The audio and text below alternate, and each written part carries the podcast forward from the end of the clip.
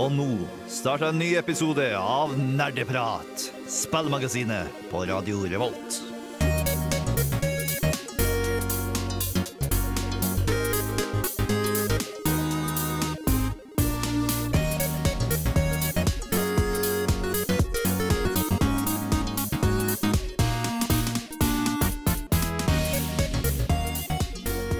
Hallo, hallo, hallo, og hjertelig velkommen til nok en sending med Nerdeprat. Vi er her i dag, Tommy, eh, Torben og en ny eh, skapning i Nerdeprat for å gi det en god dose med crossovers her i dag eh, på Nerdeprat. Eh, vi skal få vite mer om hvem denne nye er eh, straks. Eh, hallo, Tommy. Hei, hei. Torben. Hei, hei. Eh, Anna er dessverre ikke med oss i dag, eh, men hun eh, Vi håper hun har det bra hvor enn hun er. Eh, vi skal gå innom på mange forskjellige spennende temaer i dag, eh, innen crossovers altså. Litt sånn spesielle crossovers, litt Kingdom Hearts, hva enn det er. Eh, og litt mer i bredden på crossovers og så mye rart. Det blir spennende. Du hører på Nerdeprat på Radio Revolt, og her får du I Wanna Be A Dog. Mitt navn er Trym Håkon Sundby. Jeg er 19 år og kommer fra Fredrikstad, og jeg studerer for å bli engelsk språklektor. Mitt første spillminne er ironisk nok fra da jeg spilte Pokémon Fire Red, da jeg etter litt over 100 timer endelig kom meg til ligaen. Grunnen til at det tok så lang tid, var jo fordi jeg ikke forsto hvor jeg skulle. Jeg kunne jo ikke engelsk. Noe som for meg gjør det litt gøy å se tilbake på dette minnet nå som jeg faktisk kan og studerer engelsk, og hvor forfattelig overkommelig problem det er nå, noe som i bunn og grunn faktisk er takket være spill. Jeg har for det meste vært en Nintendo-gutt gjennom barndommen. Mens alle andre gutta snakka om Call of Duty, var jeg heller opptatt av Pokémon og Mario. I tillegg til andre som Donkey Kong og Kirby-spillene. Så selv om jeg også eide en PlayStation 2, var Nintendo alltid min go-to, så å si. Men etter hvert som jeg har blitt eldre, har jeg jo innsett at Console Wars er bare tull. Og andre spill kan jo være gøy, de òg. Så nå i dag er jeg litt overalt, med Switch, PS4 og Steam. Om jeg skulle valgt én favorittsjanger, og da også favorittspillserie, ville jeg nok landet på Metroid og Metroidvania-type spill. Super Metroid er kanskje det spillet jeg har spilt gjennom flest ganger, og jeg har tendensen til å skryte en del ganger over hvor raskt jeg klarer å fullføre spillet. Jeg spilte for første gang da jeg var tolv år, og jeg oppdager stadig nye metoder jeg kan fullføre spillet raskere, og det får meg til å komme tilbake til det gang på gang. Noe jeg liker så godt med sjangeren, er level-designet, hvordan alt er koblet sammen, i tillegg har jeg alltid likt det å komme tilbake til et sted jeg tidligere har vært, og så er det som et helt nytt sted fordi du har en ny evne. Det er et veldig klart bilde av progresjon. Siden vi også snakker om progresjon, så vil jeg også gjerne kaste litt oppmerksomhet mot Dark Souls-serien, og da særlig Bloodborne, som er favorittspillet mitt. Dark Souls 1 var kanskje mitt første og dermed også vanskeligste spill, men Bloodborns mer aggressive stil gjorde at jeg forelsket meg med en gang. Det er en utrolig vanskelig, men givende serie, med tilfredsstillende combat og bossfights, og alle som har spilt det før, vet at det ødelegger deg helt ved at du ikke har lyst til å spille noe annet. Jeg spiller jo da selvfølgelig flere sjangere, og jeg liker veldig godt å utforske hva alle sjangerne har å tilby, så enda Metroidvania, Souls-like og plattformere kanskje er blant favorittene, spiller jeg jo fremdeles mange strategi- og puzzlespill, et par shooters her og der, og så er det alltid spennende å utforske indie game-fronten. Spill er på mange måter det samme som film for meg. Det er en form for underholdning som bidrar med en verden du veldig lett kan drømme deg inn i og bare sitte og spille i timevis, enten om det er av handling eller gameplay. Samtidig så er det også utrolig tilgjengelig. La oss si du har en halvtime før du skal ut, og du trenger noe for å slå i hjel tiden. Da rekker man veldig greit et par runder med Smash før man drar. Og jeg kunne veldig lett tatt med alle disse viktige lærdommene jeg har fått fra videospill gjennom årene, som hvordan strategispill har lært meg å tenke kjapt og, vel, ja, strategisk. Men i hovedsak så spiller jeg spill åpenbart fordi det er gøy. Det er helt utrolig gøy, faktisk. Og hvis det ikke er gøy, ja, hvor, hvorfor gidder du, da? så, eh, som dere kanskje hørte, så var det en ny stemme i studio. Eh, hey. Dette er ingen andre ringere enn vårt nye Nerdeprat-medlem, eh, Håkon. Hei, velkommen til Nerdeprat. Tusen takk. Utrolig hyggelig å ha deg med. Eh, veldig veldig spennende sak her du fortalte om, om din spillbakgrunn. Eh, mye jeg kan relatere til. Eh, Souls-serien er jo i hvert fall noe jeg kan relatere til, som jeg har snakket mye om i det siste. Mm, ja. Eh, jeg håper ikke den har ødelagt det helt. Nei, det er jo bare gøy, sånn sett. Ja. men, men jeg lurer på, hvem, hvem er du, Håkon? Du snakker så vidt om at du går lektor. Eh, hva gjør du i byen? Hvem, hvem er du? Hva gjør du? Hvor kommer du fra? Å ja. Um, vel, ja. Jeg nevnte jo at jeg kommer fra Fredrikstad. Ja. Og jeg kan ikke så bidra så veldig mye på dialektfronten, men uh, Vi, vi Ja. fyller ikke dialekt, uh, distriktskvota, nei. Nei. Men jeg, jeg vet egentlig ikke helt hva det er å si. Uh, jeg, jeg har alltid Jeg var på besøk i Trondheim i første klasse videregående, og jeg bare syntes det var en veldig pen by, så det var egentlig derfor jeg kom opp hit. Mm. Ja. Hvilken, hvilken anledning var det du var besøkte Trondheim? Husker du, eller kunne du fortelle? Um, det var noe Vi hadde noe sånn båtprosjekt på Ah, uh, i teknologi- og forskningslære. ja. Mm. Det var noen, en gjeng i, på min videregående også som var oppe i samme ærend. Ja. Så Så da fikk dere gå og prøve teste ut på hvor, hvor, Hva gjorde dere? em, det, Vi var en del av denne konkurransen, Mm. så hele klassen fikk lov til å bli med opp til Trondheim for å se på dem delta typ, i konkurransen om å bli kåra best båt. Jeg husker ikke så mye av det, men så hvordan det gikk ut. Det gikk ikke så veldig bra, da. Um, den ene bare konka helt, og den andre ble revet i to. Så Ja, for det er sånn vannlaboratorier eller noe sånt? Ja. det er nettopp det der. Ja. Eh, Jeg, er jo veldig, eh, jeg ble veldig gira når vi møtte det, fordi eh, ikke bare er du altså, Spillinteressene dine er jo også fantastisk, men, men du går også engelsk Ja. på Dragvoll. Noe som jeg også gjør. Eh, det var veldig gøy. Ja, Så vi har liksom de samme fagene, og kan jeg gi deg alle notatene mine. og- ja det syns jeg veldig pris. Hvordan liker du Trondheim så langt, eh, som du har vært her? Jeg, jeg liker meg veldig godt. Eh, Mm. Jeg syns det er en veldig pen by, og så er det veldig mange flotte mennesker her. Eh, jeg har hatt det jeg, jeg liker veldig godt studentmiljøet her, Mm. og jeg, jeg trives jo også veldig godt med studiet mitt. Jeg er veldig glad i språk, så Mm. det, var, det var enten engelsk eller norsk jeg kom til å gå for. Så, mm. ja. Men selv om du er veldig, god, eller veldig glad i språk, og sånn, så har jeg inntrykk av at du spiller spill eh, i all hovedsak for gameplay eller for story, eller liksom begge deler. eh. Det er litt begge deler. Um, jeg kan godt spille en, et spill for uh, hvor bra historien har. Jeg, har. jeg er Mm. veldig glad i Wolf of Mangas, og der er det jo knapt noe gameplay. Ja, det er sånn typisk Telltale-spill. Mm, ja. RIP. Ja. Ehm, men samtidig så er jeg jo også veldig glad i bare gameplay. Altså, Donkey Kong Country-serien er jo noen av favorittspillene mine, og der er det jo så å si bare gameplay. Historien er å, denne krokodillen har stjålet bananene våre. La oss gå og ta han. King K. Skjønner, skjønner. Uh, har har eh, kjærestegarantien levert? Hvordan da? Eh, alle, alle sier at Trondheim har en kjærestegaranti. Uh, jeg bare lurer, Har den levert så langt? Um, jeg, har, jeg har jo kjæreste, og, men det fikk jeg jo før jeg kom Før. Trondheim? Ja. Ah, riktig, Så, og, men heldigvis så flytta hun opp sammen med meg. Så, Ja, Det er jo. Hun er faktisk naboen min, så Det er jo veldig greit. ja. Eh, du har jo litt flere spill som du, eh, eller spillkonsoller som du spilte her, både Switch og PS4 og Steam. Ja. Det virker som du er litt sånn, litt sånn som resten av oss, på alle fronter utenom Xbox. Ja. Det har liksom blitt en gjengående greie her, hvor, hvor ingen av oss egentlig spiller Xbox. Så. Ja. Ja, men hva er forskjellen på Xbox og PC nå om dagen? Da? Det alt kommer liksom til begge deler. Nesten alt, iallfall. Et par unntak.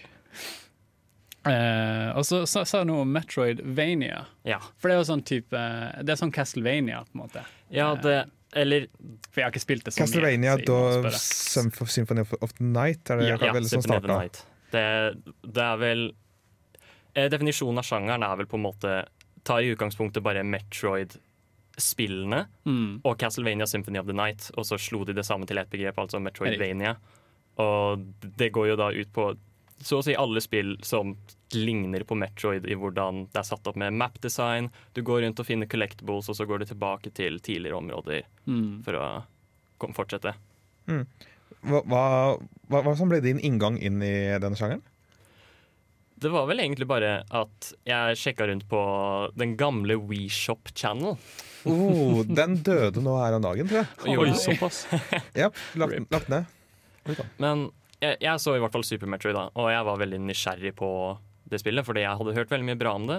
Mm. Og jeg bare Jeg syntes det var veldig artig da jeg spilte gjennom det, og så har jeg egentlig Første Metroid eller Super Metroid? eh? Super Metroid. Mm.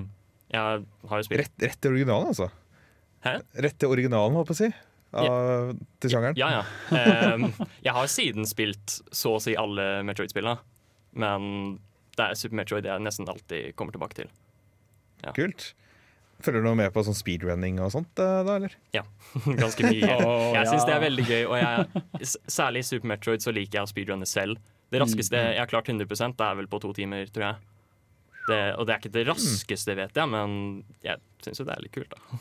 Ja. er flere vi kan snakke om Games Done Quick med. her. Eh, Ja. det, det er bra. Eh, vi skal prate mer om hva vi alle har gjort siden sist, for vi har alle vært ganske sosiale. Eh, så stay with us. Vi har jo spilt eh, en god del siden sist. Eh, vi skal snakke litt mer om spill generelt som vi vil anbefale i slutten av sendingen. Eh, men okay. vi var jo hos, eh, hos Tommy eh, i går. Ja, er Eh. invitert på både kaffe og kanskje ikke kaker, men litt snacks og litt games. Ja, og det var kjempekoselig. Eh, vi var alle der. Eh, var litt synd at Anna ikke kan være her nå, for jeg tror hun hadde vært veldig gira på, på mye med det. Ja, for Vi viste et spill som faktisk kommer ut på Nintendo Switch i dag. Ja, Downwell. Downwell, eh, Mm. det kommer ut i dag.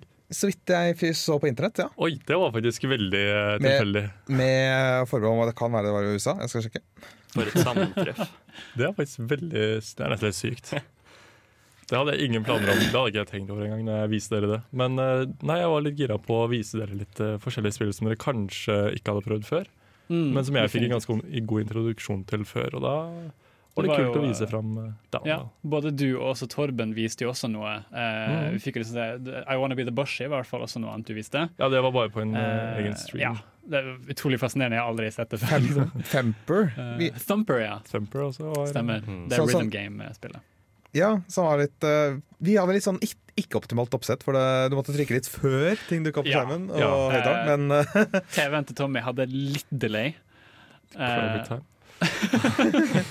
så det var litt sånn vanskelig for, for noen av oss eh, med rytmesans. Eh, Men det var veldig sånn Men det, var, det var ganske sånn oppslukende type rytmespill, Ja. hvor det liksom eh, Mm. det, var- det, var- ikke noe sånn opp, veldig abstrakte ting. Det var mer sånn at du, du skulle følge rytmen eh, på det som Mm. skjedde foran deg. Mm. Det var på en måte litt sånn, eh, nesten sånn kamprytme. Sånn, den trommer på en måte som du hører i Mad Max, mens du Ja. på en måte denne sølvbilen. Og sånn. Åh, det var kjempekult. Men uh, du Torben, du viste også fram et ganske kult spill uh, som har litt sånn samme type grafikk som uh, Downwell, som jeg syns var ganske Ja. artig. Om enn ikke like Downwell så faller det bare ned, mens jeg, jeg viser fram et spill som jeg snakka om tidligere her på denne prat, Minit. Ja. Mm. Der du tar et eh, sverd som har en forbannelse over seg, som gjør at du har uh, ett minutt å leve om gangen. Og det var så gøy, fordi det var flere, flere elementer i spillet som utnyttet at du hadde så lite tid. Mm. Mm. Så det var én karakter som snakket veldig langsomt og hadde mye å fortelle. Og kom til poenget med hvor denne skatten lå, helt Ja. på slutten av sin lange monolog, som gjerne tok 40 sekunder å sitte seg innom. Så hvis du kom der etter et halvt minutt, da, så hadde du ikke rakk du ikke å se Nei. slutten på dialogen. Og du kunne slå han, liksom, og han brukte lang tid på å si au. Og Au, og så hallo. men, men høydepunktet på kvelden i går var jo at vi, vi koste oss med, med Smash. Ja, det var Eh, det var veldig gøy. Eh, jeg, jeg må meddele at deres kjære programleder har møtt sin overmann. Eh, Håkon eh, er utrolig god i Smash. Eh, og det, det han, han Jeg ble grust. Ja. Jeg ble grust. Eh, plain and simple. Eh, og også imponert. Og også veldig stolt. Det er Eh, fordi da vet jeg at neste gang vi får en intern Smash-turnering, så vil vi vinne. Så tar nerdeplass seieren. uh, og det, det lyder godt. Uh, hvordan, hvordan hadde du det i går, Håkon, når du, når du gruste oss alle så, så inderlig? Nei, jeg stortrivdes, jeg. Jeg mener ehm, Jeg tenker det er litt sånn uh, endring i pace, når man på en måte det, I min vennegruppe så er det jo folk som er enda bedre enn meg igjen. Mm. Ehm, I hvert fall, hvis ikke på samme nivå, og for en gangs skyld, så følte jeg meg litt over. Ja, ja, Det må jeg innrømme. Så, og det, det, var jo, det var jo ganske artig. Og så var det veldig veldig tilfredsstillende å gruse deg med din egen karakter i tillegg. Oh. I, I got what I deserved. Jeg har aldri sett uh, TV være så salty før. Det skal sies. Det er vanligvis ikke det, men akkurat dette var jeg veldig stolt av. Å bare få den virkeligheten knust foran mine øyne, det, å, det gjorde vondt. Syns jeg så noen tårer av eh, salt Ja, jeg, eh, jeg slet med å sove i natt, det, det kan du si. Ja, nei, jeg hadde jo ikke Jeg har ikke spilt uh, Super Smash mer enn sånn én gang før, eller noe, så jeg var litt sånn Jeg var ikke helt sikker på hva jeg kom til, så jeg bare Ja ja, jeg får nå se åssen det går, da. Men uh, det var veldig gøy, da. Det var det. Veldig, Men jeg la merke det var veldig rotete å komme seg inn i når det var fire andre du skulle se etter enn din egen karakter. Jeg bare Hvor er karakteren min hen? Er ut, å, da var jeg ute av mappet. Uh, jeg gleder meg i hvert fall til neste gang vi spiller Smash. Uh, uh, og jeg skal trene og bli sterkere, og The King of Evil shall return. Lykke til. Thank you. oh, man. vi skal videre til nyheter. Her får dere Pompoko med Crazy Energy Night. Nerdenytt. Ja, velkommen til Nerdenytt. Dette er den 31. januar 2019. Uh, Tommy, uh, vår korrespondent, hva, hva er på dagens agenda? Uh, eh, I dag så har vi litt eh, triste nytt, og vi har litt uh, ja, Veldig mye trist nytt, egentlig. Å nei. uh, og litt sånn avbekreftelser. Uh, men vi kan jo starte med å beklage på dine vegne, Håkon, om at uh, Metroid Prime 4 det er muligens skrapet og må startes på nytt, utviklingen av det. Ja. Nintendos Shinya Taka, Takahashi beklager veldig mye for det her, men han, de går ut og sier at eh, spillet var rett og slett ikke bra nok når de så på det nå, og de blir nødt til å skrape det og lage det på nytt. Ja. Ja. Um, jeg vil bare kaste på at selv om dette er en ufattelig, ufattelig trist nyhet, uh, med hvor mye hype som har vært rundt det, og hvor mye hype jeg har hatt rundt det, så er det samtidig et lite glimt av håp med tanke på at uh, Retro Studios skal gå tilbake og hjelpe til med development av Metro Prime 4, som er de samme som har laga de tre første Metro Prime-spillene, Mm. i tillegg til de nye Donkey Kong Country-spillene. Så det Det er bra studio også. Ja, veldig Jeg, jeg stor tro på at de får til noe bra med Prime 4, spesielt siden de lagde de tre første. Ja. Mm. Det høres jo veldig lovende ut. Ja. Uh, men uh, hva, hva sa de var årsaken til at de måtte kansellere? Uh, det var rett og slett at spillet ikke så eh, Ikke ble bra nok. eh, og ja, det ga ikke det De følte ikke opp til det levde ikke opp til potensialet de følte de burde. da. Mm. Eh, og de var jo veldig gira på å liksom slenge ut eh, en, altså et nytt spill Ja. til Metroid-serien. Eh, de har jo veldig lyst til det. Eh, så det blir nok at de begynner på nytt, muligens. muligens. Og siden de begynner på nytt, så har det seg sånn at uh, spill blir vanligvis ikke annonsert før det har vært langt uh, i utvikling, mens nå så vet man spillet fra starten av. Mm. Så at dette blir en lang venting, tror jeg. Jeg tror det blir flere år. Ja. Så vi kan vente, vente oss og måtte vente. Nettopp fordi at uh, spill tar veldig lang tid å lage. Vi vet vanligvis ikke om det før det er rett, rett før lansering. Det er jo en veldig tragisk konklusjon å komme til. da. Ja. Liksom, når det har kommet så langt i utviklingen, jeg vet ikke hvor langt de kom. Var det før release, eller var det halvveis inn? eller Og eh, det er jeg litt Ja. usikker på. i- Avhengig av hvor langt de kom i prosessen, så er jo Ja. så mye mer tragisk. Eh, det kan jeg jo forstå. Mm, Men det er ingen, det er ingen som har fått sparken for det her, da. Det, Nei, det Nei. folk eh, som det kanskje har vært i andre spillstudioer. ja, minner veldig om da Final Fantasy eh, 14 online-spillet kom ut for første gang. Det var jo en tragedie. Å måtte lages helt på nytt mens de holdt originalen kjørende. Måtte få inn et helt nytt team. Og, men det, det gikk jo heldigvis bra, da. Men det var på en måte det du absolutt ikke vil skal skje. De sier også at det vil, eh, det vil nok ta en stund før de eh, gir noen oppdateringer på eh, hvordan utviklingen går videre. Stakkar, de er swamped, de nå. Helt opptatt. Ja, eh, de beklager på det dypeste om at eh, det, det har skjedd.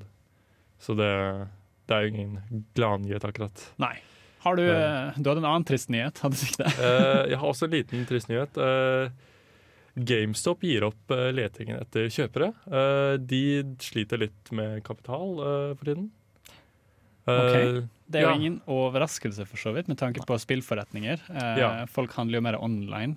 Ja, det er jo der det går Det er der det Ja, det er der feilen skjer. Det, liksom det, det er for mye kjøp online og på nett. Så det, de har rett og slett ikke kapitalen til å liksom følge opp det.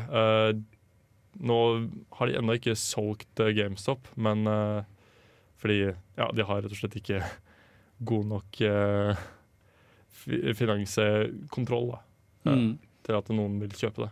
Ja, riktig. Uh, dette er jo noe som Jeg vet ikke om dere kjenner Game? Uh, en annen spillforretning som tidligere eh, var kjent som et eller annet Spiderman-butikk, eller jeg vet ikke. Uh, hvor, hvor de måtte legge ned de òg, her i Norge, tror jeg. Så de er ikke her lenger. Mm. Så eh, GameStop, eh, så lenge det varer, lykke til, I guess. Mm. Men eh, ja, fordi de la jo ned her i Trondheim for et par år siden, det husker jeg. Da hadde vi litt sånn spesialsending om Ja. spillbutikker og sånn. Mm. Mm. Vi har jo flere i programmet som har jobba i spillbutikk før òg. Ja, sjæl. Uh, både Game og GameStop, faktisk. Mm. uh, I'm the trader. Uh, så ja. Eh, har du en veldig veldig kort en? En, en, en Eh, annonsering? Jeg kan annonsere litt at Mario Kart til mobil blir utsatt. Uh, trolig til sommeren. Eh, ja. Det er vel Ja, det kan jeg bare kaste på at Kjapt. jeg visste ikke at det her skjedde i det hele tatt. At en Mario Kart til mobil kom ut. Oh, ja. Så, men ja, det er artig å høre. Du vil i hvert fall få mer eh, nyheter her på Nerdeprat. Eh, vi har fortsatt en lang sending foran oss, og det vil bli spennende. Eh, vi skal gå videre til å høre litt eh, musikk. Eh, du vil få eh, The Dogs her med Who's Gonna Pay. Du hører på Nerdeprat på Radio Revolt. Vi beveger oss fra triste nyheter og videre til positive nyheter. Stemmer ikke det, Tommy? Nei. Nei. What's next? Uh, det neste er Tysklands idrettspresident tordnet ned og sa at e-sport eksisterer ikke. Hæ? OK! Oi. Hva var årsaken til dette utbruddet? Uh, rett og slett årsaken er at uh, kom, altså, dette utbruddet kommer i forbindelse med spørsmålet om e-sport kan bli en ting i OL også.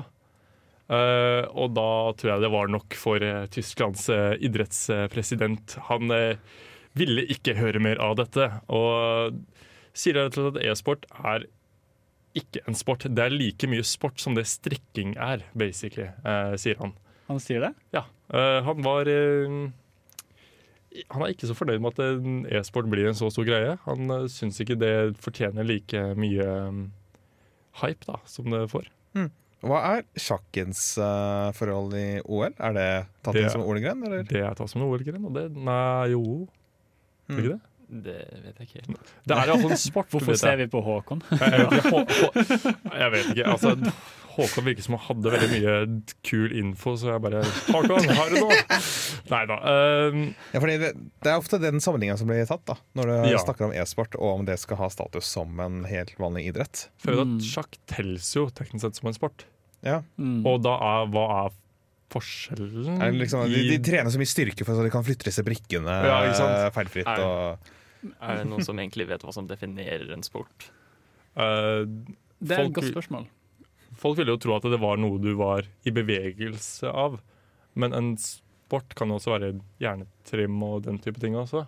Jeg vil jo si at eh, noe som jeg tenker på spark her, at sport er noe som tester ferdighetene dine og måler de opp mot andre. Mm. Og det trenger ikke nødvendigvis være fysisk eh, utøvelse i form av å springe eller eh, løfte vekter eller sånne ting. Det kan være Mm. altså, å bruke hjernen, som de gjør i sjakk. Ja. Eh, E-sport òg, hvor du bruker veldig mye øye-hånd-koordinasjon. Eh, noe som er et veldig overbrukt begrep, Eh, men er faktisk veldig eh, stort. mm. ja, for jeg tror sport eh, ligger i det at det, er veldig, altså, ligger i det veldig tradisjonelle at du skal bevege deg. Det er fotball, håndball, svømming. Shit skal være intenst, og du skal bruke muskulaturen i kroppen. Eh, men nå, jo, nå har det seg sånn at hjernen også er en muskel, ikke sant? så da syns jeg det skal være en eh, greie. Eh, fordi mye e-sport har jo veldig mye med at du må være ganske klar opp i hodet, og du må liksom planlegge veldig mye sånn i forhånd. Så igjen, det er veldig mye likt sjakk. Vi ser det på slåssespill og sånn som Smash, og vi ser det på som League, League of Legends og Fortnite. Og du må, være, du må ha en plan, og du må liksom Du må ja, hva heter det, acte i, in the moment. Ja, nettopp. Altså, du, du testes jo på hvordan du kan planlegge og legge en strategi Mm. som da kan beseire motstanderen din på hvilken arena dette yeah. er, sammen som med sjakk og, og noe spesielt i e-sportverdenen. da. Eh, og det er, jo, det er jo ferdigheter som har begynt å få litt mer anerkjennelse. Vi snakket jo tidligere her om hvordan visse arbeidsselskaper, eh, eller sånne store selskaper, begynner å ta tak i eh, folk som spiller eh, i håp om å sette det i jobb og, og sånt. Jeg husker ikke, Manpower var det kanskje vi snakket om. Ja. Mm. Eh, og det er jo for så vidt positivt. Eh, men utbrudd som, eh, som dette, eh, med han hva var det, eh, tyske idrettsministeren? Eh, tyske idrettspresidenten. Presidenten, riktig. Eh, Eh, president, ja. Det kunne han jo egentlig kanskje ha spart seg for. Ja. Mm, Eh, Hvis det er hans mening, så det, det er jo fortsatt en pågående debatt, liksom. Men Det, eh, selvfølgelig, selvfølgelig. Altså, meninger er jo all for, altså kjør på. Altså- men, men det er jo liksom å bryte ut i, i veldig dårlige innslag. På en måte, det gir liksom ingenting til diskusjonen. Nå skal ikke jeg kaste alle brannfaklene, men nå ser han jo ut som han er i de eldre årene. Ja. Uh, han ser ut som en veldig fotballtype som bare Ok, så hvis, hvis vi venter nok år, så kommer det kanskje en ny en? Ja. Uh, Hvis vi lukker øynene litt. Uh, Det heter fotball, ikke soccer. så mens eh, noen venter på sin eh, nye Jesus, så venter vi på vår uh, nye idrettspresident i Tyskland. Nei da. Uh, vi kan gå litt videre over til Kingdom Hearts. Ja. Fordi okay. der uh, skjedde det jo Det er jo et nytt spill som har kommet ut nå. Og folk spiller det i hytt og gevær. Jeg har selv en romkamerat som spiller det. Vi får høre mer om det etter hvert. Mm. Vi skal snakke mer om den delen etterpå. Men det var en liten lekkasje i Kingdom Hearts som skjedde for uh, en måned siden. ish. Mm. Ja, før uh, nyttårsskiftet, var det vel? Ja, nyttårsskiftet. Uh, rett før. Um, hvor da det var et par uh, eksemplarer av Kingdom Hearts som ble basically stjålet fra Oi. campus, holdt på å si, der hvor eh, hovedkvarteret holder til, og ble da lansert i noen land og privatkopiert. Å nei. Uh, og siden uh, Kingdom Hearts skulle bli en uh, verdenslansering, så var jo spillet på alle språk. Eh, og da gjorde det at det, det var vanskeligere å holde tilbake informasjon, mener da Mm. eh, Kingdom Hearts-sjefen. At det, ja, det, det er da vanskelig å holde tilbake informasjon når det er verdenslansering, for da har du det på alle språk, og da kan alle liksom forstå det. Ja, uh, herregud. Uh, det er jo ikke gøy når det skjer. Nei. Uh, var det lang tid mellom liken og da det faktisk ble sluppet? Eh, Det ble sluppet for noen dager siden. Ja. ja. Så det var Det, det er vel Ja, det er ganske lang tid, vil jeg si. Det som redder meg litt, er at det er en del innhold som kommer ved DLC. Ja. Yes. Der fikk du Tamir eh, med, fra, av Lazy Queen. Jesus. vi går inn i temadelen vår her på Nerdeprat, eh, og du hørte oss riktig fra starten av. Nei, vi snakker ikke om crossdressing, vi snakker om crossovers. Eh, dette er en eh, form for tema hvor du har måte, to spillsjangere som gjerne krysser veier og på en måte blir i samme spill. Eh, du sjang sjangere eller spillserier? Spillserier. Eh, helt riktig, helt riktig. Eh, man kan, de kan ofte ofte bringe med seg ulike sjangere som kry- krysses. Ja, for det har jo skjedd da. Uh, vi kan jo med en gang da nevne uh, Smash. Uh, Ja, det er jo det samme. Eller, eller ja, kanskje ja, mm. jeg tenkte sånn type Cloud kommer inn fra én sjanger, Ja. og Nintendo-karakter fra den andre. Um, for eksempel, jeg husker jo jeg hadde veldig mye kos med Phoenix Wright versus Professor Layton. ja. Eh, hvor de har forskjellige uh, art styles, uh, noe som var veldig merkelig å se. Eh, da du har liksom den mer menneskelige Phoenix, og så den lille mer sånn cartoony Professor Layton som står ved siden av hverandre. Ja, jeg bare lurte egentlig på hvor vidt bra det gameplayet går sammen. For jeg spilt veldig mye Phoenix Wright, men jeg har aldri Mm. spilt noe særlig Professor Layton. Uh, jeg har heller ikke spilt så mye Professor Layton. Uh, Professor Layton er basically et spill hvor uh, Akkurat som i Pokémon-spillene, så snakker alle om Pokémon og vil ha Pokémon-kamp med deg. Professor Layton så snakker alle om puslespill og har puslespill som de vil ha deg til å løse. Ja. Uh, ikke puslespill som at du må pusle sammen brikker, men som at uh, gåteløsning. da Gåter som du må Skjønner. finne løsninger på. ja, nettopp. Jeg fikk mer innblikk av at det var mye mer fokus på selve puzzlene i, eh, i Professor Laton, mens i Phoenix Wright så har du mer sånn visual novel-preg. Ja. Uh, og da denne courtroom-kampen etterpå. Eh, jeg vet ikke helt om de har noe lignende av det i Professor Laton. Det er en del, det er god del historieformidling og sånt også, i Professor Laton, Og utforske omgivelsene. Men spørsmålet mitt er jo Er crossovers kun det at du får to spill til å kombineres, eller kan også crossovers komme fra forskjellige steder, som f.eks. spill som tar inn eh, karakterer fra serier eller filmer eller andre steder? da? At spill tar inn karakterer fra filmer. Ja, nei, men altså for eksempel, eh, oss, Vi kan putte et eksempel på for eksempel eh, at Thanos var en greie i Fortnite. Uh, Ah, sånn, ja. Eh, når Avengers uh, Infinity War kom ut. Ikke sant? Eh, da kan du på en måte også stille spørsmålet hva er forskjellen på en crossover og en um, referanse. Ja. Fordi det var jo mange som Nå ble stemmen min veldig hes. Eh, det er jo mange som eh, kastet inn Infinity Gauntlet-referanser i flere spill. Eh, God of War hadde jo en hanske som, som ikke het Infinity Gauntlet, men den hadde samme eh, konseptet. Hvor det var disse magiske steinene i spillet, og hvis du hadde nok av de steinene på en måte enchanted i den hansken, så, så fungerte den essentially som en Infinity Gauntlet. Ja. Mm. Eh, og Fortnite hadde jo faktisk en Infinity Gauntlet, så vidt jeg Mm. vet. Mm. Du kunne faktisk være Thanos. Så Ja. jeg ja, du ble Thanos. Og Ja. så hadde du jo da kraften til alle Infinity Stonesa. Mm. Eh, Jeg kommer ikke på flere spill som har brukt uh, Thanos av Infinity Gauntlet-referansen, men det, det finnes vel sikkert. Ja, det var jo memes og alt mulig sånt også. Liksom. Ja. uh, altså Nintendo selv refererer til uh, My Body Is Ready i ved flere tilfeller. Både i Pokémon og Mario Luigi-serien. Men det ble jo en referanse, da, ikke så mye en crossover. ja. mm. For med crossover så tenker vi på at det er liksom flere spill som har kryssa veier. Ja, ikke sant? Og vi har jo for eksempel noen av de mer klassiske eksemplene eh, med Mario og Sonic. Eh, to karakterer som kommer fra spillselskaper som har vært kanskje ikke bitre rivaler, men, Jo, har de har, de, de har vært bitre rivaler. Eh, eh, de har vært bitre rivaler eh, ganske lenge. Um, og det kom jo Sonic and Mario at the Olympic Games eh, på Wii. Ja, det var for mange en uh, helt uh, usannsynlig Ja. liksom, hadde, hadde du fortalt det- dette meg for 20 år siden, så hadde ikke jeg trodd på det. Også. Eh, Det er sant. mange som husker Eh. den bitre striden der. Og, Og det, jo, det vises jo overalt. Eh, jeg kan jo huske å ha sett på Newgrounds, hvor du hadde disse flash animations med liksom Sonic versus Mario.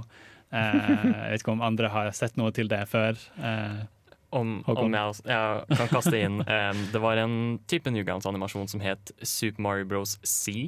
ja, det er det jeg tenker ja, på. hvor det rett og slett var Super Mario Bros. Eh, kryssa over med Sonic i sånn ekstrem Dragon Ball-stil. Ja. Så Overraskende bra, faktisk. Eh, det, det dumme er at han aldri avsluttet serien. Nei. Eh, det var litt trist, fordi den ble ganske kul etter hvert. Eh, det var litt sånn cheesy med liksom Sonic og Shadow. Og, Ja, det, det var ikke den mest beste skrevet dialogen, Nei, men, men, kampscenene ja, det, var, det var gøy å se kule. på. Eh, det var liksom sånn uh, brain food, eller hva, hva skal det sånn um, Om dere har sett animer som er veldig på kampscenene, men elendig på dialogen, på en måte. det er sånn, sånn typiske gutteanimer, kanskje. Jeg vet ikke. Uh, uh, men det var i hvert fall koselig. Men men, men sånn, hvem, hvem er det som kan ha crossovers? For det er jo ikke bare bare.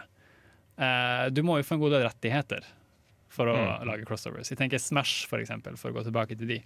Eh, Gud vite alle rettighetene de har måttet kjøre gjennom for å få lov til å bruke alle disse karakterene. Mm.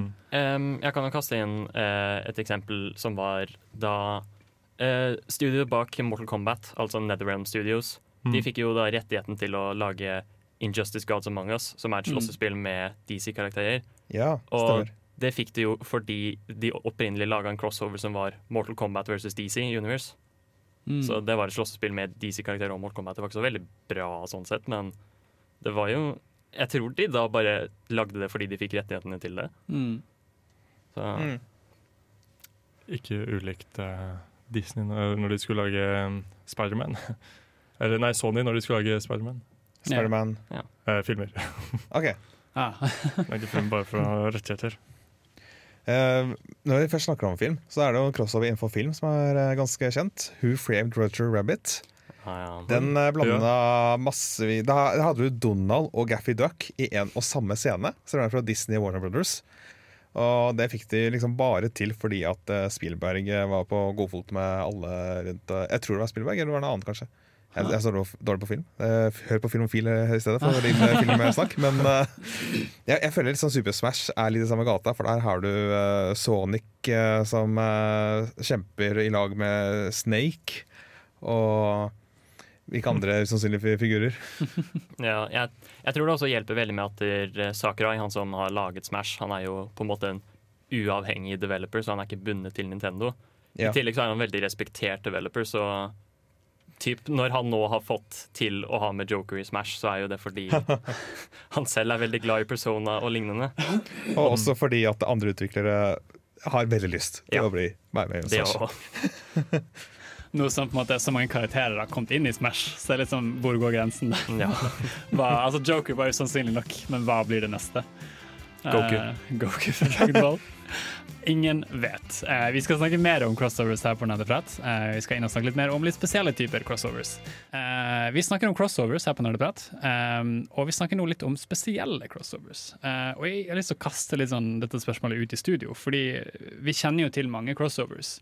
Men er det visse crossovers som dere merket dere som dere syns var litt spesielle? Litt, litt merkelige? Um, ja, jeg? Nå, nå går vi igjen tilbake til Ja. slåssespillformatet, men gjør ofte det. eh, det er jo merkverdig å Altså, Marvel vs. Capcom er jo Ikke veldig sant? merkverdig, Mm. fordi det er jo hvem var det som egentlig tenkte på å kombinere Marvel-tegneserien med Capcom-karakterer? Ja, det, det er ganske out there, Ja. sånn egentlig. Så Ma liksom Du har Megaman på ene siden, og så har, har du uh, Hvem er det som Nå husker jeg ikke hvem som er Marvel og hvem som er uh, DC, men uh, eh, skyt. Bare prøv. Nei, jeg tør ikke. Ja, du, du kan jo ha for eksempel ja, Spiderman, vel. ja, Spiderman. Eller Captain America, eller hva det er. Mm. Så Eh, Du hadde jo også Phoenix Wright Ja. der inne. Phoenix Wright er også med i Capcom 3. Noe som er veldig merkelig, for han, han kjemper jo ikke fysisk, Nei. på en måte. Uh, husker du hvordan han kjempet? Uh, det er veldig mye sånn hvor han Typ de tingene ting han roper i the courtroom. Ja, sånn, Leo, objection! Ja, og så typ at han kaster bevis på folk og lignende til det. Eh, kaster masse papirwork og sånt. Jeg tror det var noe à la det. Riktig, riktig. Det, han er veldig sånn joke character, men eh, han, han er der, så det er veldig gøy. Det er mange som lurer på hvorfor i alle dager han ble en advokat.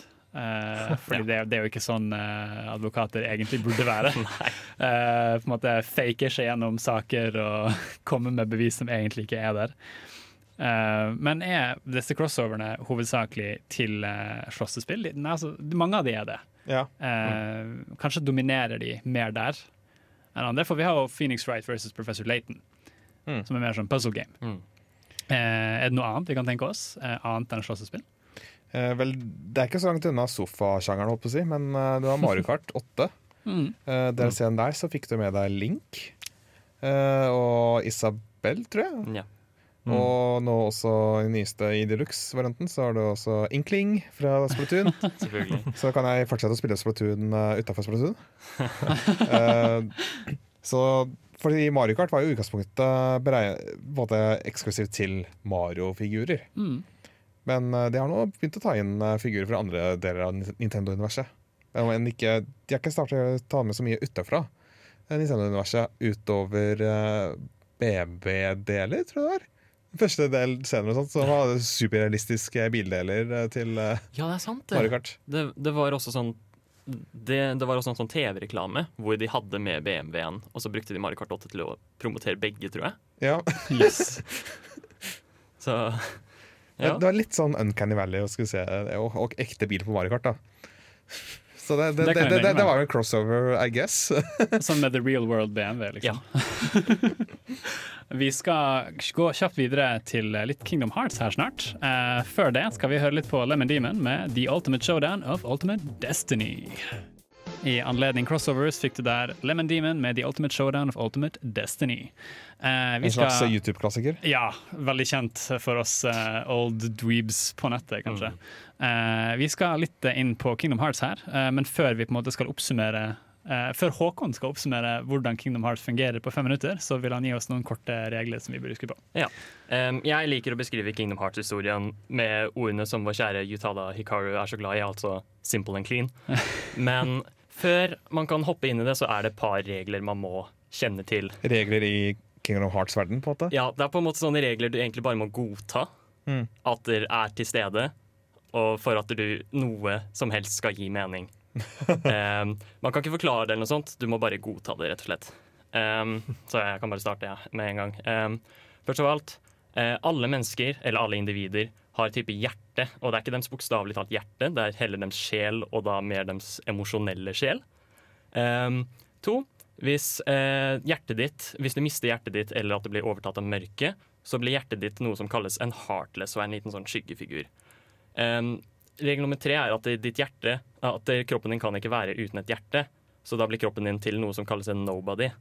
Um, og så er det da viktig å spesifisere at et menneske med en sterk nok vilje vil lage en spesiell type nobody som ser ut som dem og kan snakke og tenke osv. osv.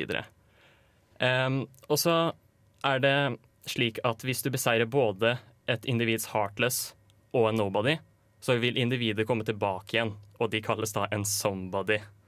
Uh, til slutt så er det bare merkverdig at der, uh, det finnes Final Fantasy-karakterer og Disney-karakterer overalt, og de har ingen bidrag til historien på noe som helst måte. De bare er der.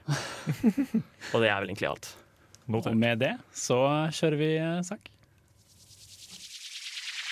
Radio Revolt. Kingdom Hearts. Kanskje alles mest nostalgiske spillserie. Mikke, Donald og Langbein sammen med deg, Sora, på eventyr. Men hvordan går egentlig dette eventyret? Et mysterium uten like, som jeg nå skal prøve å forklare.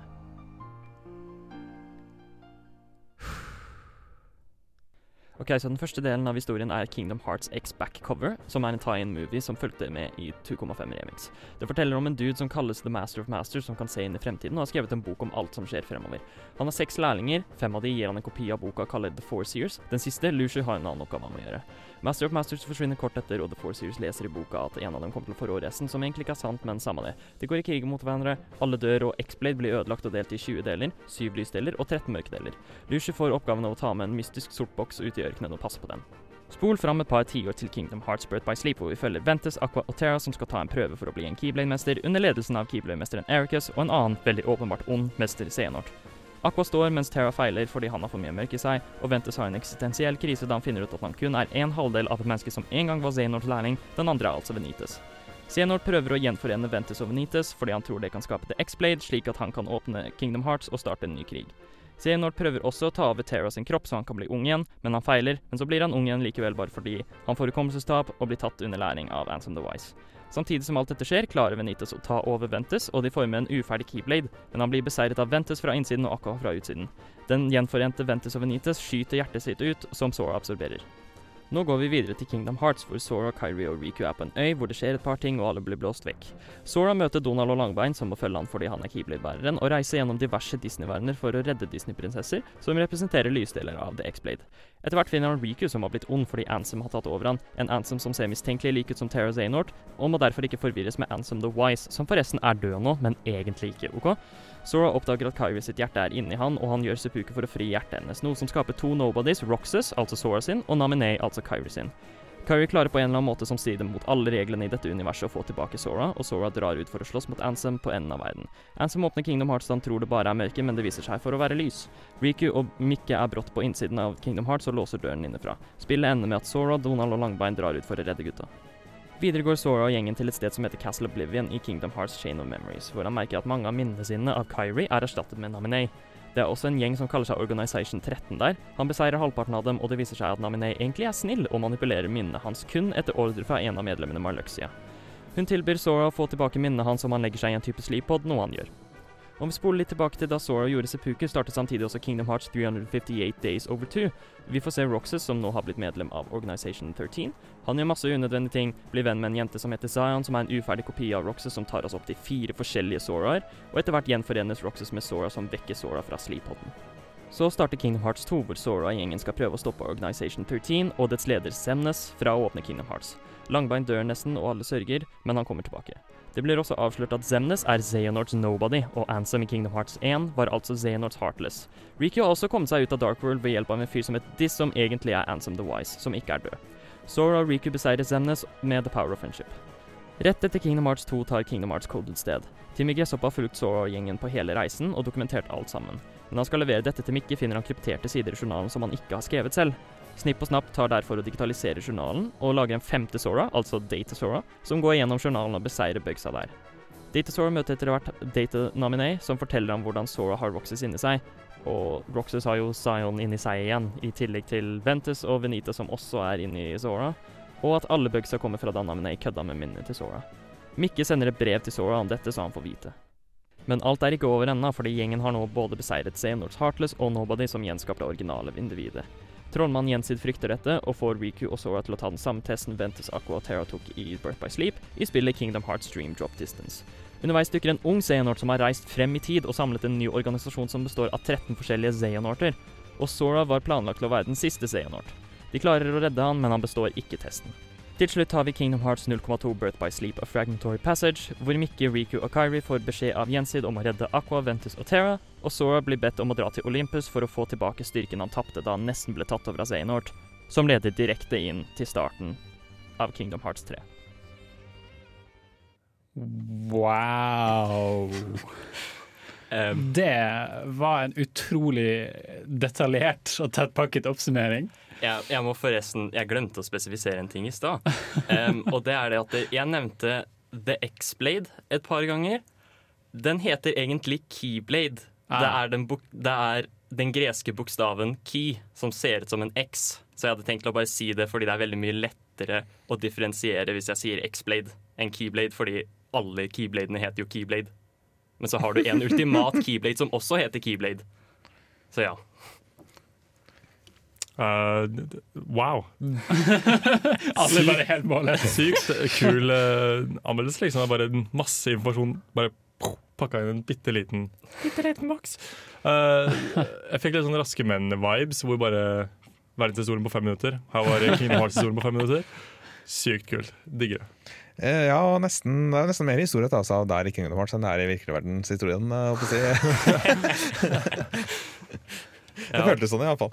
Ja, nei, det, det Jeg kan bare kaste inn at for å for, liksom skrive Jeg skrev ned en oppsummering som var ca. fire sider lang. Og jeg brukte litt over fire timer på å klare å forstå all informasjonen jeg ble gitt. Så det her er min kjernesak, rett og slett. ja, ja. Eh, jeg vet ikke om dere kan høre måte, hvor glad vi er for engasjementet til eh, nye Håkon. det er, vi forventer ikke at man skal bruke så mange timer med en gang. Eh, for du har nå kjøpt det, Kingdom Hearts 3. Det har jeg. Hvordan, hvordan går det så? jeg. Jeg har jo ikke fått kommet så veldig langt. Nei. fordi mye av tiden min har gått til å forstå historien som kommer før. Um, men det har, altså det har jo vært artig, og det, de har på en måte faktisk en liten recap helt i starten. Men ikke nødvendigvis at de sier hva som skjer, de bare viser klipp av de tidligere spillene i riktig rekkefølge. Mm. Så det er Ja. litt Men er, det- er den på en måte advokat? Er det liksom god nok til å forstå ting, tror du? Eller? Absolutt ikke. Jeg mener, det, er- det er så vidt godt nok å forstå det bare av hvordan spillene forklarer det selv. Mm. Så det, det tok meg veldig lang tid for en grunn.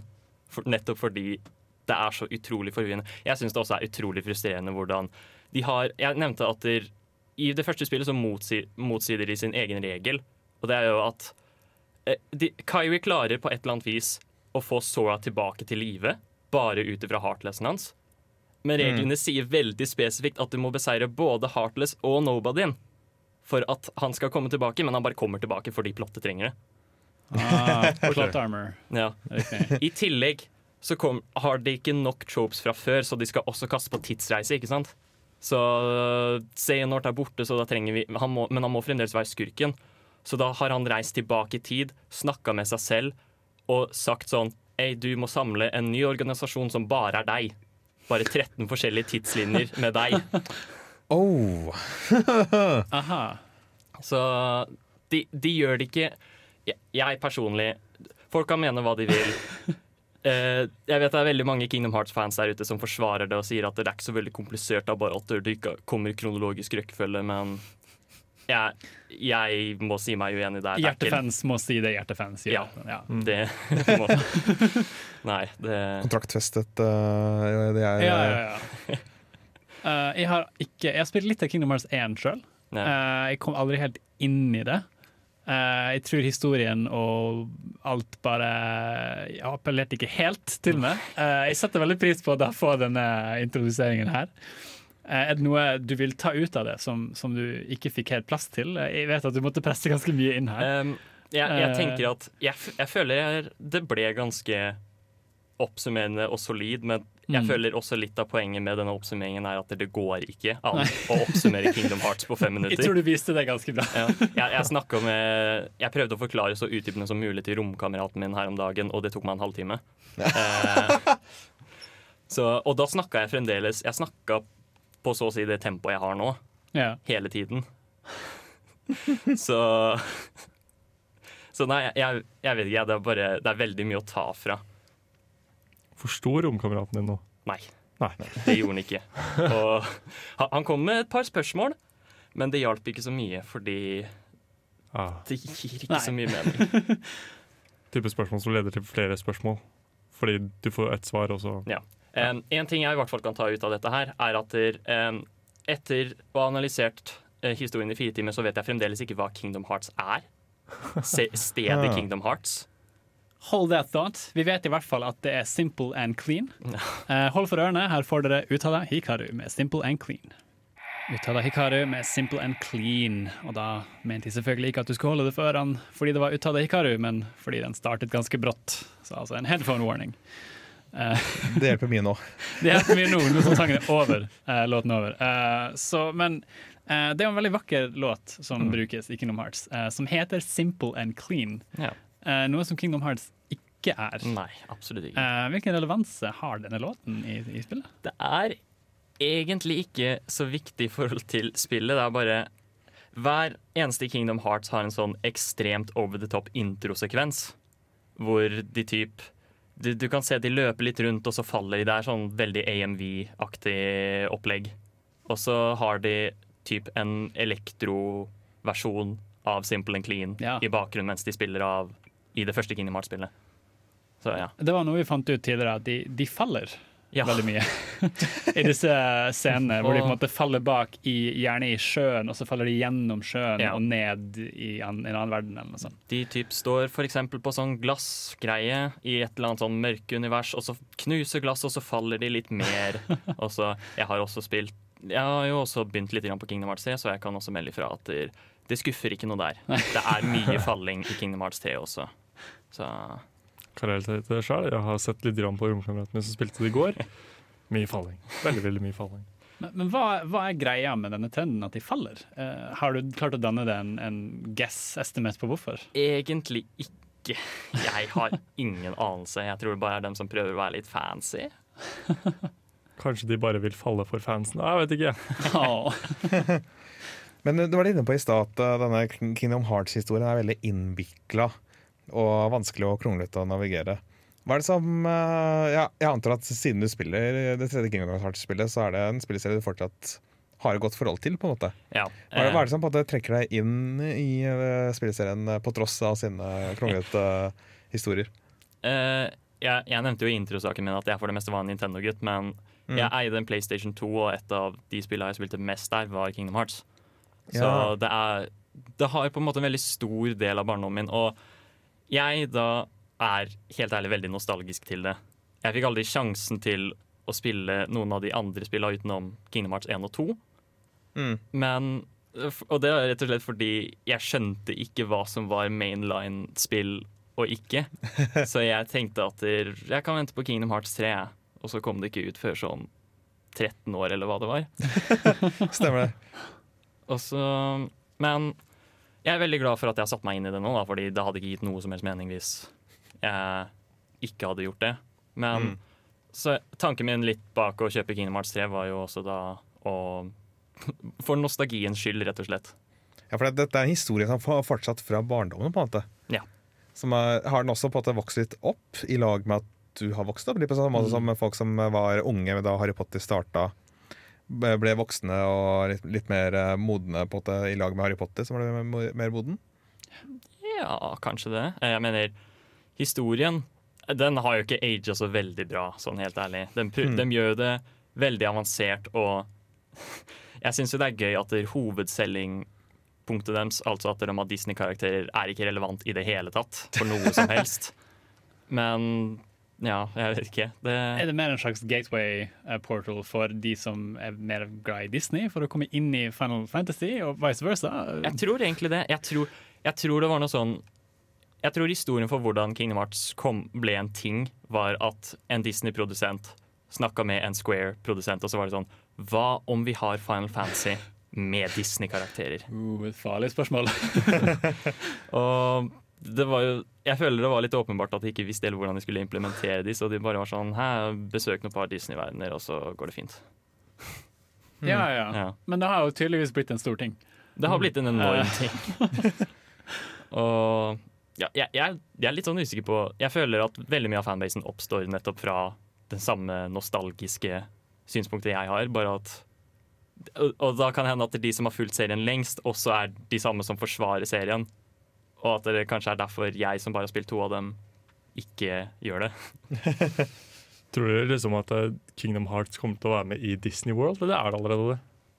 Jeg Altså Disney World som i liksom den der fornøyelsesparken. Det er litt det samme konseptet, da, med at du har uh, ulike deler av parken har dedikert ulike deler av Disney-universet. Mm. At uh, du har én serie her og én serie der. Ja.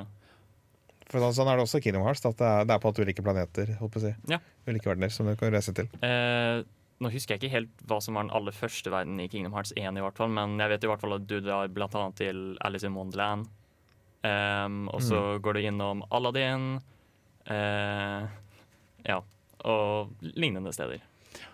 Uh, det farlige spørsmålet hva hvis vi blander dette og dette, er jo noe vi ser mye i fanfictions og også i fanart. Eh, vi skal snakke litt mer om det. Her får du Kakk Madafaka med 'Runaway Girl'. Jeg vet ikke hvordan dere har, eh, hva forholdet deres har vært til fanfictions uh, growing up. Uh, jeg vet at jeg hadde en god del venner som hang på fanfiction.net, uh, og var stor tilhenger av noe de kalte lemons. Eh, som er litt sånn uh, erotically juicy uh, stories eh, med karakterer fra diverse universer. Som tenåringer gjerne gjør-. Ja, ikke sant? Det, det er sånn tenåringsjenteporno, sant? Ja. hvis, hvis dere skjønner hva jeg mener. um, jeg kan jo også bare kaste på at det en, en ting jeg så veldig mye på før, bare fordi jeg syntes det var så utrolig gøy, var Sonic fanfictions. Fordi det finnes helt ufattelig Oh, mye yeah. Sonic fanfictions. Oh, yeah. I, I tillegg nå om dagen Det er en veldig fin liten app som heter Wattpad, som bare er fylt av sånne 10-15-åringer som skriver fanfictions av alt. Og jeg er vel ofte innom den, og den anbefales om man ser noe gøy. Er det sånn ironisk distanselesing, eller? Ironisk distanselesing. Definitivt. Eh, jeg kan huske å ha sett eh, en sånn animasjon av en Sonic fanfiction som noen hadde laget, hvor Sonic eh, møtte en eller annen original character, og så plutselig hadde han tre barn. Ja, ja. eh, med denne original characteren. Og så kom det en eller annen bad guy som denne personen hadde laget. Som var en eller annen fyr med, med magiske kaossmaragder som ikke var de egentlige kaossmaragdene. Og så kom ungene hans og, og snakket som, som country bumpkins. Eh, og, og det var helt sært. Eh, eh, altså En av barna hans var liksom sånn "I- I'm your son, Sonic. Eh, og han var helt sånn What? Nei, det er du ikke. For de hadde, liksom, de hadde liksom gitt Sonic hans egentlige eh, personligheter i denne flashen for å gjøre det veldig ironisk og, og veldig sånn at, For at Sonic bare skulle være sånn Hva gjør jeg her? Jeg må komme meg bort. Eh, mens denne OC-en eh, da prøvde å ta tak i han og, og, og holde han nede. Sant? Det er ikke så mye Jeg kjenner ikke så mye til uh, fanfiction. Eller jeg, har ikke le jeg kjenner til fanfiction, men jeg har ikke lest noe fanfiction, bortsett fra én fanfiction som en venninne av meg skrev i sånn 9. klasse eller noe. Ja. uh, det, det er det nærmeste jeg har lest. Altså, det er det meste jeg har lest. Sånn, Men jeg har fanart. Uh, Det er jo sånn noe. ja, fordi, vi snakker om det fordi at uh, fanfiction så kan man ofte komme over crossovers. Fordi de, de trenger De bryter allerede si. De trenger ikke å tenke på å skulle få inn alle disse lisensene. Mm. Nei, de skriver jo bare litt som de vil sjøl, Ja. Så hva, hva, er det noen juicy uh, eller gode eller, er, er det noen gode fanfiction-crossovers? holdt på å si? Jeg fant veldig lite crossovers, skuffende nok. Jeg fant veldig mange hilariously bad uh, fanfictions. Uh, en blant annet hvor Naruto tydeligvis var gravid med barnet til Sasuke. Okay. Uh, noe jeg ikke helt har lyst til å gå inn på. Eh, men jeg anbefaler dere å gå inn på fanfictions.net. Eh, det har en egen crossover-kategori. Eh, hvor du kan f.eks. gå inn på Kingdom Hearts, og så deretter finne alle kategoriene som er knyttet opp imot Kingdom Hearts. og finne masse spennende eh, crossover fanfictions der som kanskje er spennende å høre på. Uh, vi skal snakke mer om crossovers her på Nerdeprat. Uh, dette er jo en veldig spennende, spennende kategori. Eh, men spørsmålet er jo hvor grensen går.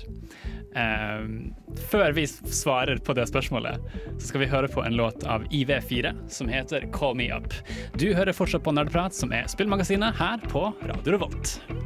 Det stemmer, du lytter til Nerdeprat her på Radio Revolt, og vi snakker om crossovers.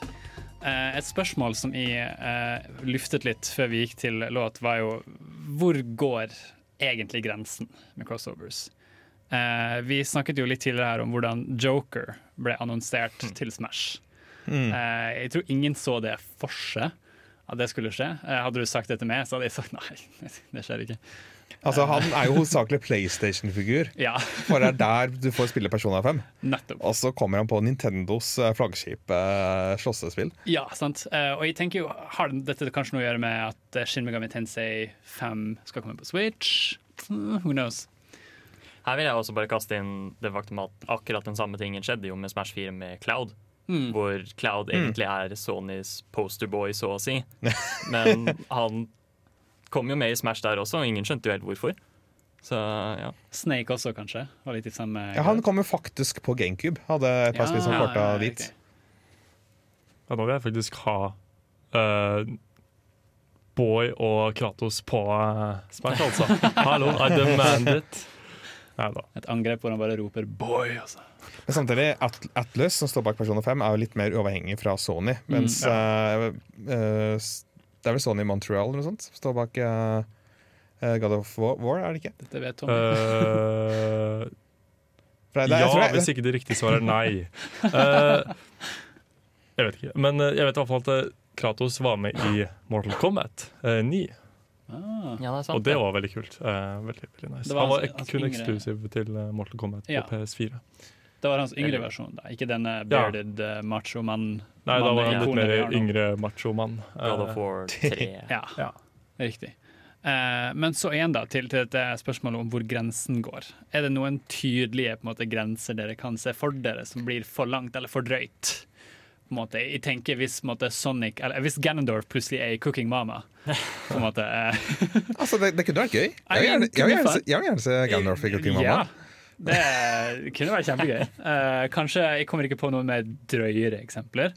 Uh, Sonic i et eller annet hestespill for små jenter. Uh, jeg vet ikke. Eh, Jeg hadde tenkt til å si Sonic i skytespillet, men vi har jo Shadow the Hedgehog allerede. ja, det har allerede skjedd. Ja. Ja, men folk vil kanskje ikke si at Shadow the Hedgehog er OK. Nei. Veldig edgy. Eh, veldig, veldig edgy. Eh, for eksempel, sånn Phoenix Wright i slåssespill er jo liksom ingen ser det for seg. på en måte.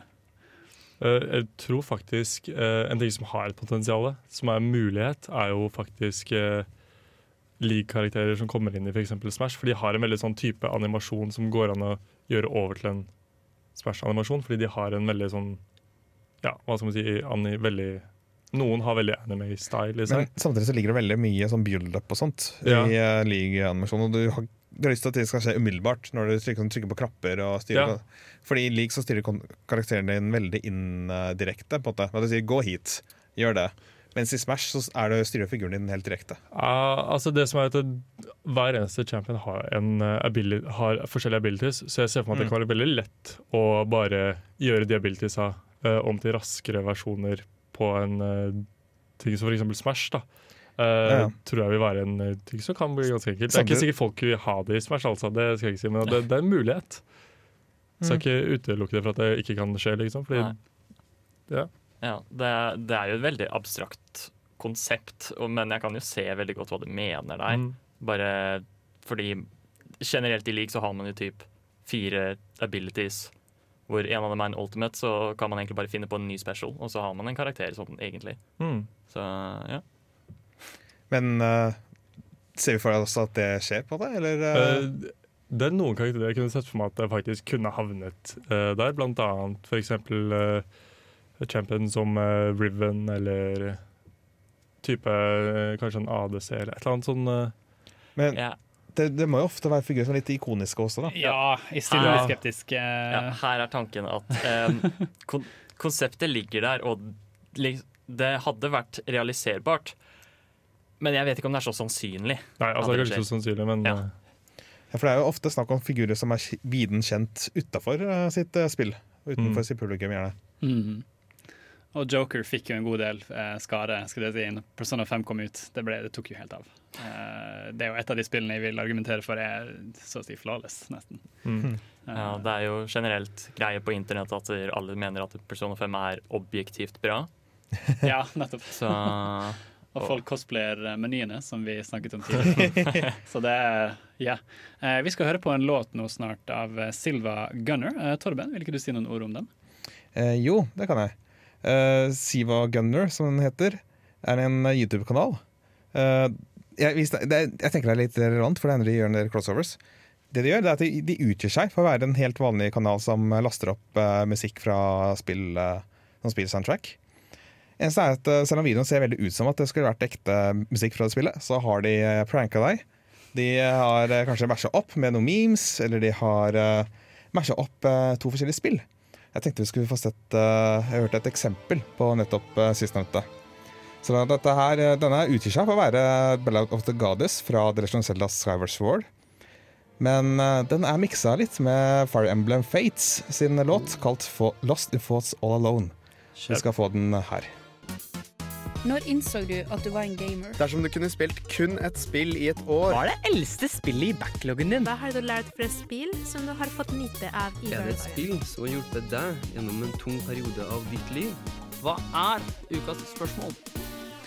Etter litt uh, jamming med Silver Gunner, uh, så skal vi gi deg ukas spørsmål her på Nerdeprat. Uh, Håkon, dette er jo noe som vi stiller hver uke. mm. Eh, det er ikke alltid jeg som kommer med spørsmålet. Eh, det kan komme fra hvem som helst.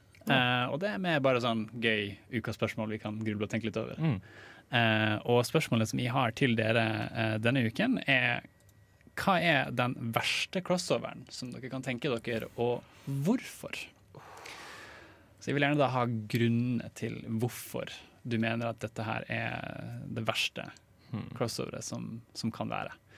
Eh, det kan være hva som helst. Hvis du vil dra inn noe fra film, kan du det, men hovedsakelig tenk det i spill, da. Eh, så på kryss av sjangere, på kryss av konsoller. Hva enn det skulle være. Tommy er klar her, ser jeg. Yes. Ja, kjør på. OK. uh, Fortnite og God of War. OK, Fortnite og God of War. Vil Så ikke hva, se det. Hva tenker du her? Uh, jeg ser for meg at det plutselig så er God of War en skikkelig sånn cartoon uh, tegneseriegreie. Sånn, de, sånn grafikk sånn som de har i, i Fortnite. Og ja, jeg vet ikke Ser ikke for meg God of War i en uh, cartoon-versjon, liksom. Det Hvor han gjør sånn Fortnite-danser og Ja, sånn, nei, ikke, ikke Don't. Don't. med Atreas som liksom i bakgrunnen. Og, Ja. Håkon? OK. Um, jeg tenker jo litt uh, med hva vi snakka om i stad. Bare om vi skulle tatt med Kingdom Hearts med noe som helst annet. Ja. Så vi bare får enda flere karakterer. som ikke har noe som helst påvirkning på plottet i det hele tatt. Og så må du selvfølgelig ha en veldig lang forklaring på hvordan dette, denne crossoveren fant sted. Ja, definitivt. Så, så Kingdom Hearts pluss bare mange flere Jeg, jeg tenker det kunne vært hva som helst, egentlig. Ja. Så kunne det blitt umiddelbart den verste crossoveren. Så, Så liksom Kingdom Hearts pluss Sonic ja, for eksempel. Ja. Oi, oi. Ja, Så kan du ha Sonic 06 for å krydre Oh, litt no. og ha real life-menneske som eh, har kjærlighetsforhold med Sonic. spørsmålstegn. Kyrie, what is that blue light? You're too slow! Å, gud. Det er litt skummelt. Eh, hva som helst annet, altså. Shadow i bakgrunnen bare That blue hedgehog again of all places. I found you, faker. Det der kan vi ta siden. Ja. uh, Torben, har du dannet Ja. noen formening om hva du tenker er den verste crossoveren, og hvorfor? Uh, det jeg tenker Jeg tenker Pokémon som som det ene, først og fremst. Pokémon. Fordi det har jeg et uh, godt, et sterkt forhold til. Uh, så gjennom oppveksten. Så jeg har på en måte ikke lyst til at noen skal ødelegge i hermetegn det.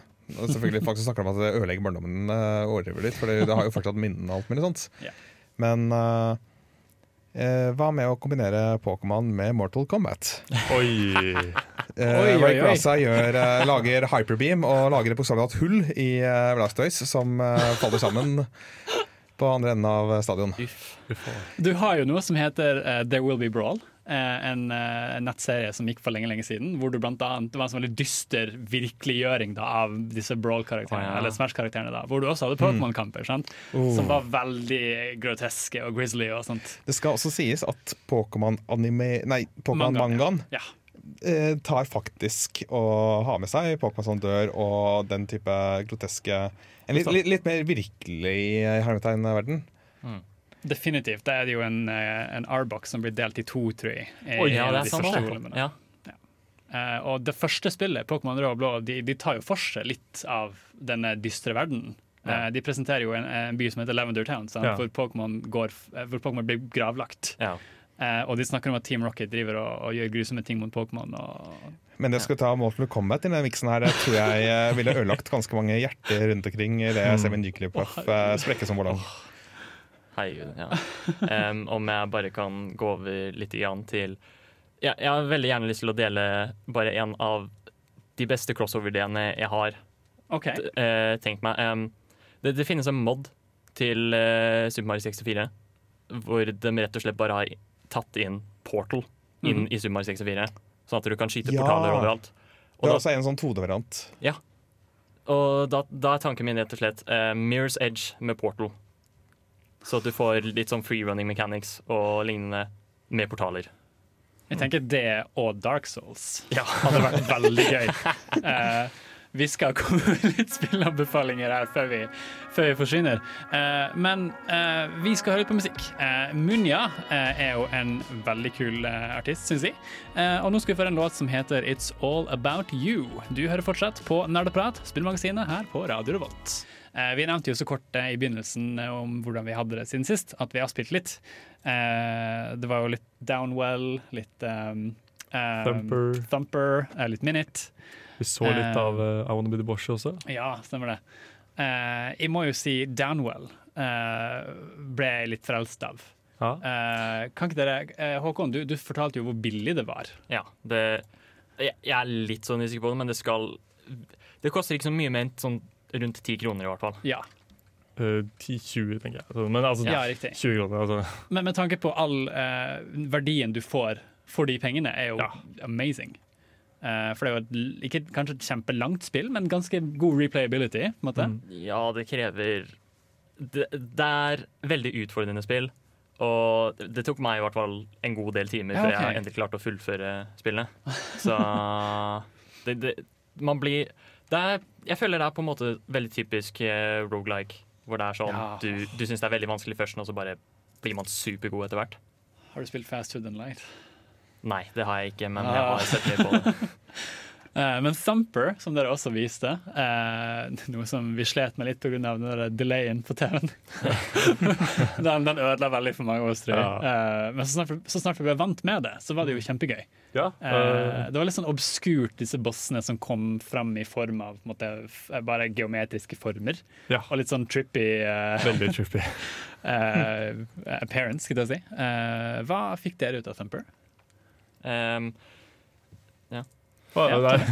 uh, Førstemann til å snakke? Nei da. Uh, uh, det jeg syns er kult, er liksom bare rytmen og det å bare sitte der, og du bare plutselig så Mm. bare soner du skikkelig inn i det spillet. Og du bare Ja. Ja, det blir ett med spillet. Nesten bare, du bare sitter og trykker og Ja, kjempegøy. Um, det er jo også bare noe av det å Sånn som jeg, jeg spiller jo alt Når jeg spiller Thumper, så set, gjør jeg liksom en ordentlig innsats hvor jeg skrur av alt lyset på rommet. Jeg tar på headsetet på helt på fullt, Mm. og så bare går jeg i sonen, og så er det så utrolig tilfredsstillende når du klarer å treffe tonen, da, sånn som man sier hvor du bare hører lyden komme og lage musikk. Melodi, eller hva det er. Mm. det er liksom som med Tetris, i den forstand at du kan på en måte ikke tenke på noe annet mens du spiller. Det, på det, det oppsluker all din oppmerksomhet og tankekraft. I, ja, det er jo ekstremt fast-paced, så det er på en måte sånn Det bare skyter sånn hele tiden, så ja. Altså, ja, altså, også Minute, da. Um, Ja. Som er litt mer fast-paced, eh, stressende spill, så det ut som. Ja, jeg har forklart litt raskere om det før, men det er eh, tilgjengelig på Switch og Steam. Ja. Download ble for øvrig også tilgjengelig på Nintendo Switch i dag. Uh, Ser det koster tre dollar på, av, på, i USA. Mm. Uh, Minit er på en måte et kokt ned Zelda. Ja. Så det er Selda Zelda Bare at veldig mye av filmbassen har tatt vekk. Så tre veldig gode spillanbefalinger du kan ta med deg ut til helga. Uh, Downwell, uh, Thumper og Minute. Yes. Uh, I hvert fall noe vi vil anbefale deg. Eh, du skal få høre Crispy med I Want To Tell You her. Du lytter til Nerdeprat på Radio Revolt. Eh, vi har hatt en sending om crossovers i dag, eh, som vi har utforsket ganske heftig. Dette er jo et spennende tema. Eh, jeg tror nok det blir en heftig diskusjon senere. Det skjer jo fortsatt ting i Trondheim, selv om vi forsvinner av luften for i dag snart. Work Work så jeg de skal ha litt eh, gamer meetup på tirsdag.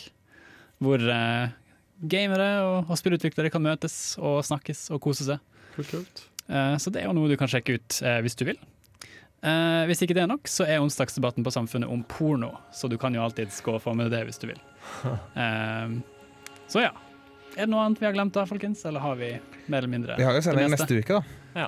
Vi har jo det. det. Da skal vi begynne på en ny liten sånn miniserie på tre episoder eh, som handler om de tre store. Som da er Nintendo, Microsoft og PlayStation. Eh, så det blir jo ganske, ganske stort. Det blir spennende. Mm. vi gleder oss veldig til det. Eh, og da er også Anna tilbake, eh, så hun vil equalize litt eh, alle testosteronet vi har i studio i dag. Eh, men med det så vil jeg vel ønske en god helg fra alle oss her i Nerdeprat. Eh, Ja. Veldig, veldig kult å få Håkon med om bord i skuta vår. Eh, vi ser fram til eh, mange flere spennende lydsaker og innspill fra dere. Det blir gøy. Eh, så ha det bra fra Tommy, Håkon, Torben og meg, eh, og vi ses neste uke. Yes. Ha det bra. Ha det godt. Ha det bra. Du har lyttet til en podkast på Radio Revolt, studentradioen i Trondheim. Sjekk ut flere programmer på radiorevolt.no.